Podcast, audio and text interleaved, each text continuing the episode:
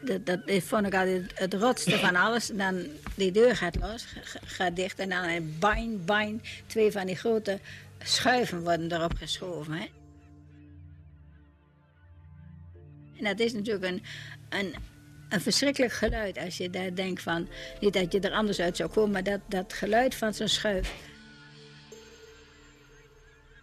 Toen heb ik, eh, misschien is het wel heel naïef en kinderlijk dat ik dat zeg, heb ik gebeden van als wij bij de oorlog doorkomen, dan hoef ik geen kinderen.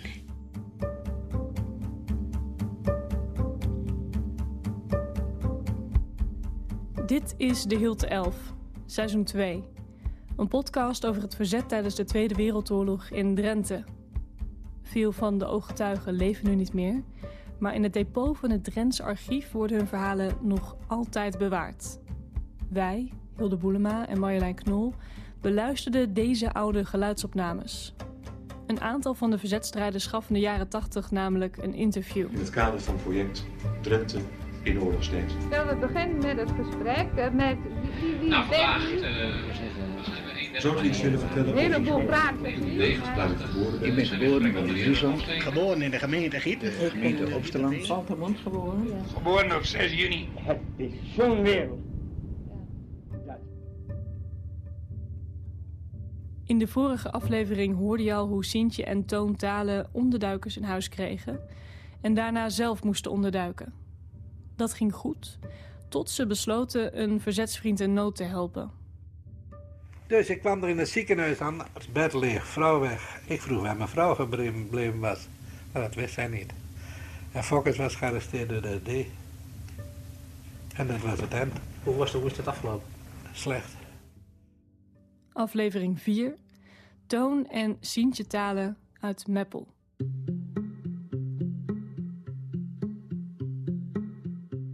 Sientje was opgepakt door de Duitsers samen met verzetsvriend Fokkens. Diezelfde dag nog werden ze naar kamp Westerbork gebracht. Ze wist niet hoe het met haar man ging. Ze hadden mij gepakt, maar ze hadden hem natuurlijk ook net zo goed eh, op een andere later tijdstip kunnen pakken. En dan denk je altijd van, eh, nou, er komt eh, niet veel van terecht, want dan zie ik hem misschien nooit weer. Daar dacht Sientje aan toen ze samen met Fokkens in de auto zat naar het kamp. Fokkens, die nog steeds dringend medische hulp nodig had voor zijn voet. Maar dat- ik heb hem nooit weer gezien. En later is het verhaal dat hij op de brancard gefusilleerd is. Na drie weken in kamp Westerbork moest Sientje naar de beruchte Duitse gevangenis in Scheveningen. Haar persoonsbewijs, geld en sieraden werden afgenomen. Alleen haar trouwring mocht ze omhouden. Nou, dan moest ik in een gang staan, in die, die gang daar, en het gezicht naar de muur, met de handen op de rug. Nou ja, dan voel je je natuurlijk wel erg een beetje vernederd, hè? Dat, dat is, eh, ja, eigenlijk een rot idee als je daar zo staat, net als een schoolkind dat in de hoek moet staan. En eigenlijk erger, hè? Ja. En dan, dan, dan, dan komt het op je af, die, die sfeer van zo'n gevangenis, hè? En dat duurde een poos en... eh, toen kwam er naar een vrouwelijke bewaakster, grote forse vrouw. Vrouw halen. Nou, daar ging ik. Eerst stond ik weer met gezicht tegen de muur en toen werd er in de cel gebracht bij twee jonge vrouwen. Eén lag op, op, de, op de kribbe zo tegen de muur en de ander lag op de grond, een stroozak. En een klein lijntje erdoor met een onderbroekje en een BH'tje en zo. En dan kom je daar binnen en... eh, nou, toen ging mij helemaal het licht uit. Nou, en er werd een stroozak voor me op de grond gelegd. En daar kon ik op gaan liggen, hè. Nou, uitgekleed en ging maar liggen. Nou ja, even praten, waar kom je weg en hoe is de toestand in de wereld? Maar dat was eigenlijk maar een, een even een monument van misschien vijf, vijf of tien minuten. Dan ging de deur weer open en diezelfde bewaakster kwam weer. Vrouw talen en miet. Nou, ga je weer aan de benen en neemt je spulletjes maar weer op. En toen werd ik dat in een cel alleen gebracht. En er stond dan een bord aan de buitenkant op Einzelhaft. Dat betekent dat je alleen moet zitten. Sientje moest afgezonderd van de anderen haar gevangenschap doorbrengen. Nou, toen kwam ik daar binnen, dus de deur ging achter mij dicht. En dan sta je daar in zo'n nou ja, zo'n celletje van twee bij drie. Twee houten krukjes en een houten opklaptafeltje en dat bed daar in die hoek. Ja. Had u had er een raampje in? Of, uh... Nou, zeg maar, die deur, die, er was een, een, een beetje grote deur en boven de deur was een, een tuimerraam. Dat kon je met een touw los en dicht trekken. En er zaten aan de buitenkant dan wel tralies voor. Ja. Maar daar kon je niet uitkijken. Wel naar de lucht, maar verder niet. Nee, nee, nee. nee. Nou, en toen was ik net goed wel uh, binnen. En toen hoorde ik klappen op de muur. En uh, ik, ik denk, wat, wat is dat nou weer? En toen hoorde ik een... Ik zeg op school, want dat vertel ik op school dan ook eens... een aangename stem. En die zegt tegen mij van... Uh, onderaan bij het bed, daar zit een gat en daar kun je praten.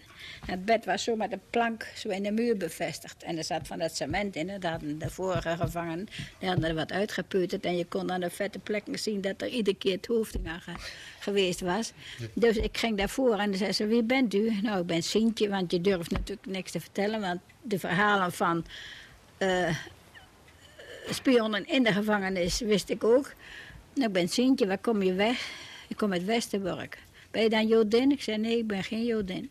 Ja, ik ben Anna, zegt ze. En uh, het valt hier nog wel een beetje mee. En als je goed luistert, zegt ze, dan kun je de zee horen ruisen. En dat kunnen ze ons niet afpakken, zegt ze.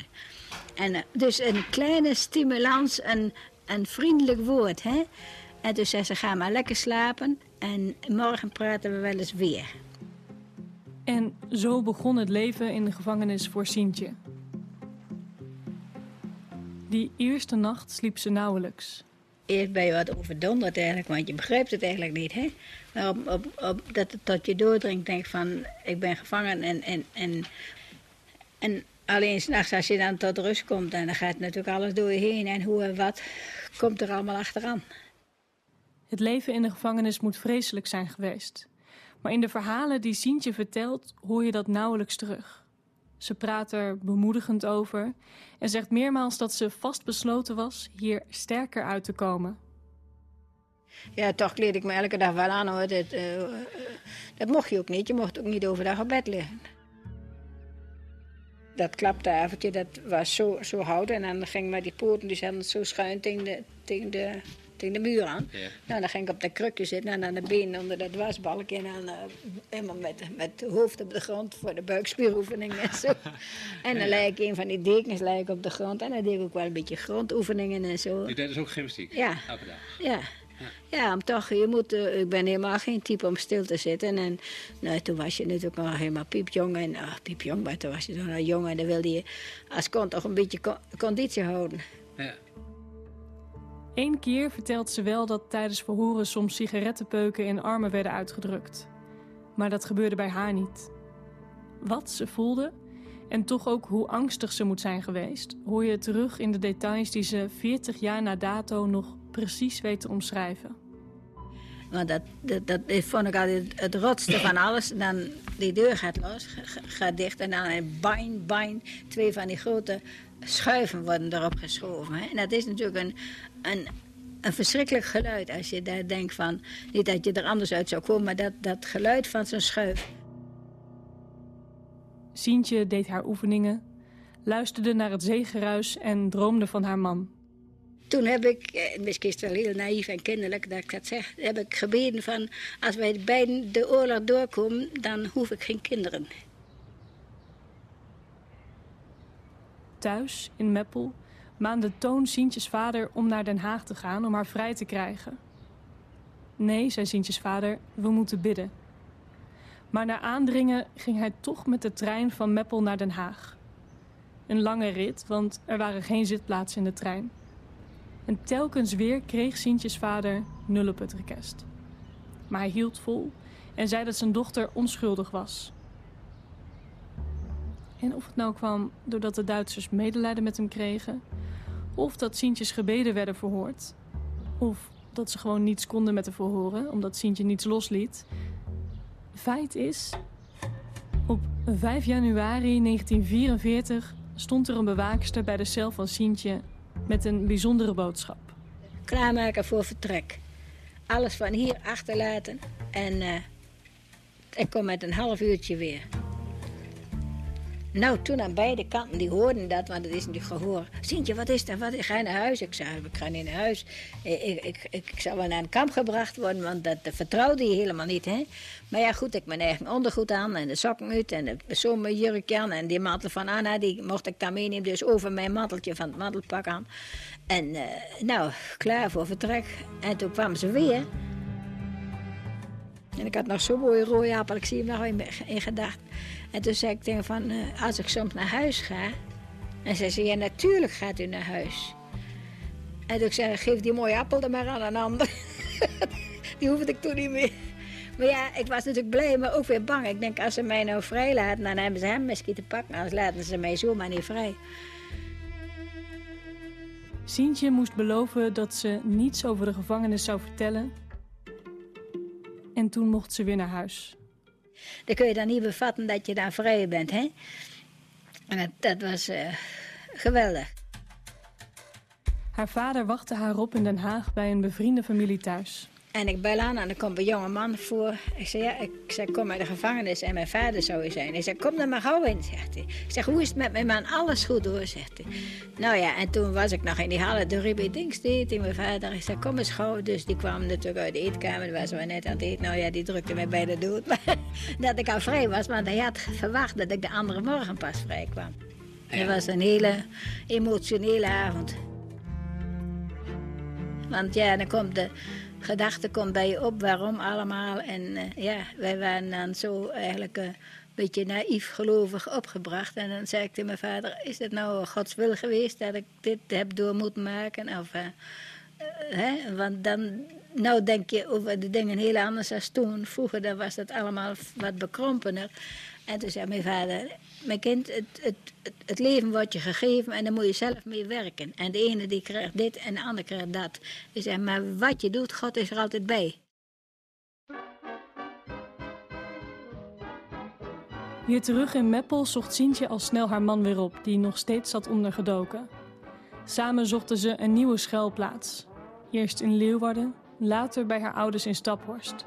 Het leven dat is geen pretje, ik weet er alles van.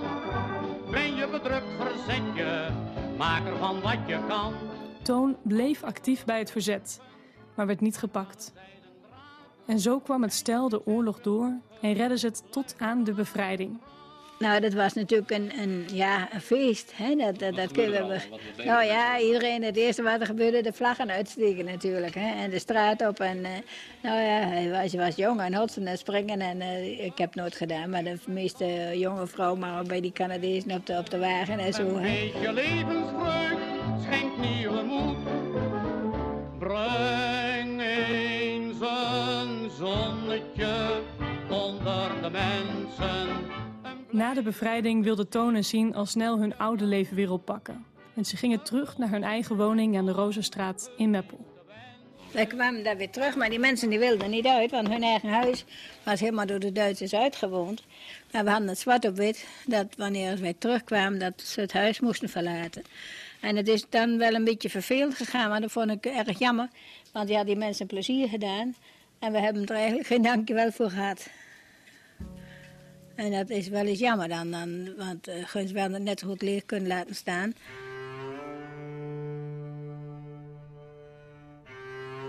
Al met al viel het leven na de bevrijding Toon en Sien tegen. De toekomst leek minder rooskleurig dan gehoopt en de oorlog bleef in hun hoofd. Veel van hun vrienden die ook in het verzet zaten, hadden het bijvoorbeeld niet overleefd. Maar de oorlog liet ook op een andere manier zijn sporen achter. Uh, u, heeft u kinderen? Nee. Mijn vrouw die is uh, in de oorlog gevangen genomen. En na de oorlog af liever gezegd, ja, toen wil je graag kindjes hebben. Eigenlijk nooit uh, ongesteld, het is nooit weer uh, normaal geweest.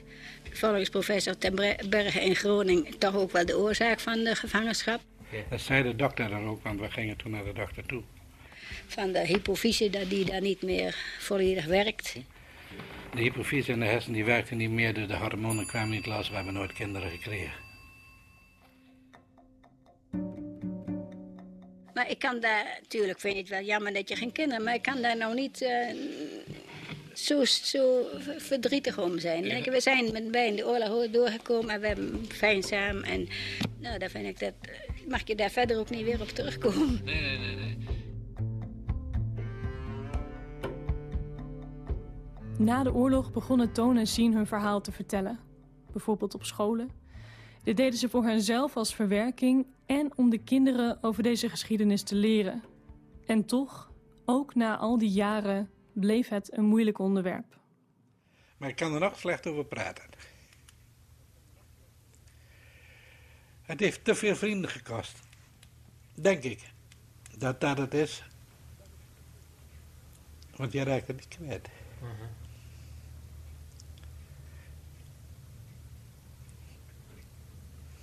Wil u nog een beetje soep? Nou, als u nog heeft, eh, lekker. Maar die man die eet niet zo hard vandaag. Nee. Toon Talen overleed in 2006.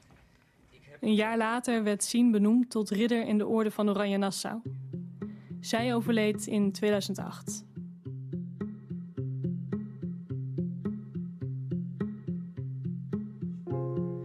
Je luisterde naar aflevering 4 van De Gilte 11. In de volgende aflevering Ik was bij de verbindingsdienst, hè, met de seiners. Ta ta ta ta ta ta ta ta ta ta hè. Morse code. Pracht, prachtvak was het trouwens ook hoor. Ja, ja. Namen op het vliegtuig. Dat was een gebombardeerd tot en met. Hè. En je maakt zoveel mee dat NSB'ers ons de telefoonverbinding doorknippen al in die tijd.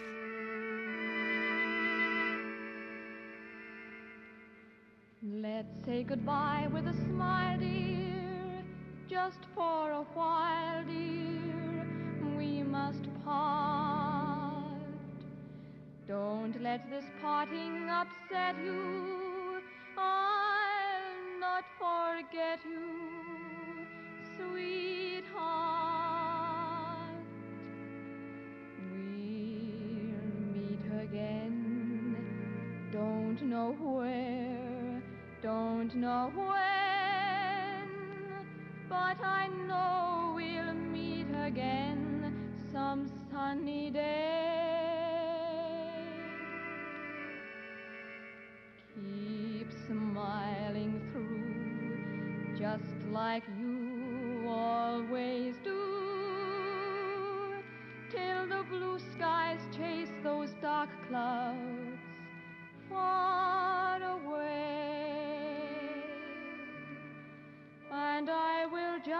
Say hello to the folks that you know. Tell them you won't be long. They'll be happy to know that as I saw you go, you were singing this song.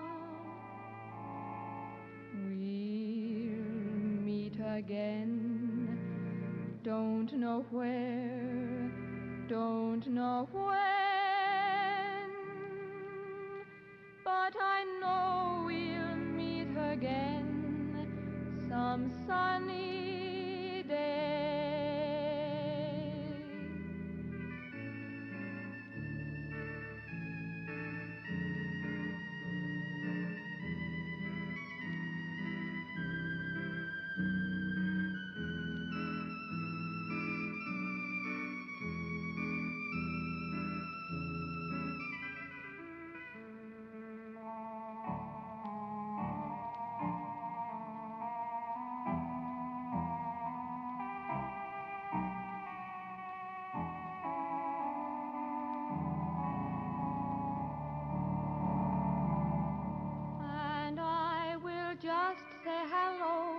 the folks that you know, tell them you won't be long.